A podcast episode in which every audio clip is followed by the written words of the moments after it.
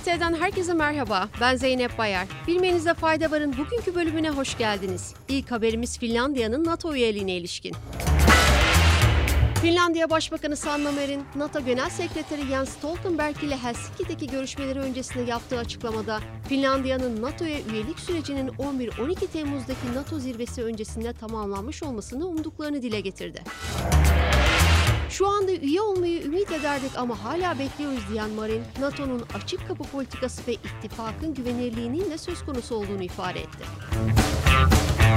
Bir siyaset haberiyle daha devam ediyoruz. Rusya Devlet Başkanı Vladimir Putin, ülkesinin ABD ile yapılan ve kıtalar arası nükleer balistik füze kabiliyetlerini dizginlemeyi amaçlayan START ismindeki yeni stratejik silahların azaltılması anlaşmasının katılımını askıya alan yasayı imzaladı. Vladimir Putin 21 Şubat'taki federal meclis konuşmasında Rusya'nın ABD ile yapılan yeni START anlaşmasına katılımını askıya aldıklarını bildirmişti. START anlaşması hakkında kısaca bir bilgilendirme yapalım. ABD'nin Rusya Federasyonu ile 1993'te imzaladığı START 1 ve START 2'nin devamı olan yeni START anlaşması, Washington ve Moskova arasında yürürlükteki son nükleer anlaşma olma özelliğini taşıyor.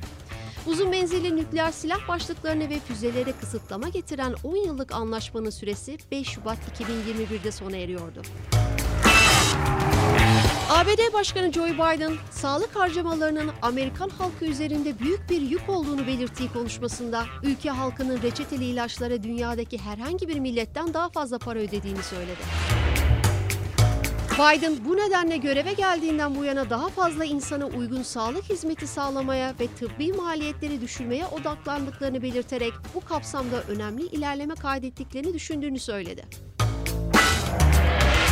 İlaç şirketlerinin fiyatları enflasyon artışından hızlı yükselttiğini kaydeden Biden, ayrıca reçeteli ilaçların maliyetini düşürmenin federal bütçe açığını azaltıp borcu 159 milyar dolar kadar azaltacağına dikkat çekti. ABD'de çip yasasına ilişkin son gelişmeyle devam ediyoruz.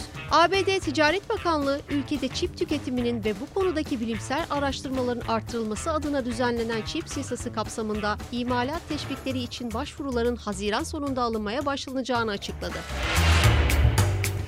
ABD'de 9 Ağustos 2022'de Biden tarafından imzalanarak yürürlüğe giren çips yasası, yerli yarı iletken üretiminin artırılmasını ve otomobilden elektroniğe kadar birçok sektörde üretimde aksamaya neden olan çip kıtlığını hafifletmeyi amaçlıyor.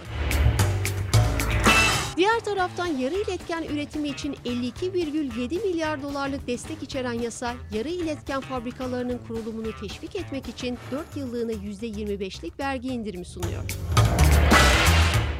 YouTube'dan bir haberle noktalıyoruz. YouTube, İngiltere'de 13 yaşından küçük çocukların görüntüleme verilerini toplamakla suçlandı. Konuya ilişkin çalışma yürüten Farfetch temsilcisi Duncan Mackham, İngiliz Bilgi Komisyonu Ofisi ICO'ya resmi bir şikayette bulundu. Mekken şikayetinde sitenin çocukların izlediği videoları nerede ve hangi cihazda izlediğine dair verileri topladığını belirtti. Bu şikayetin ülkede ICO çocuk kodu olarak bilinen ve 2020'de duyurulan uygulamaya dair ilk şikayet olabileceği açıklandı. Alfabete ait olan YouTube, 2019'da çocukların gizliliğini ihlal ettiği gerekçesiyle ABD'de 170 milyon dolarlık para cezasına çarptırılmıştı. Bilmenizde fayda varın bugünkü bölümünün sonuna geldik. Sağlık ve mutlulukla kalın.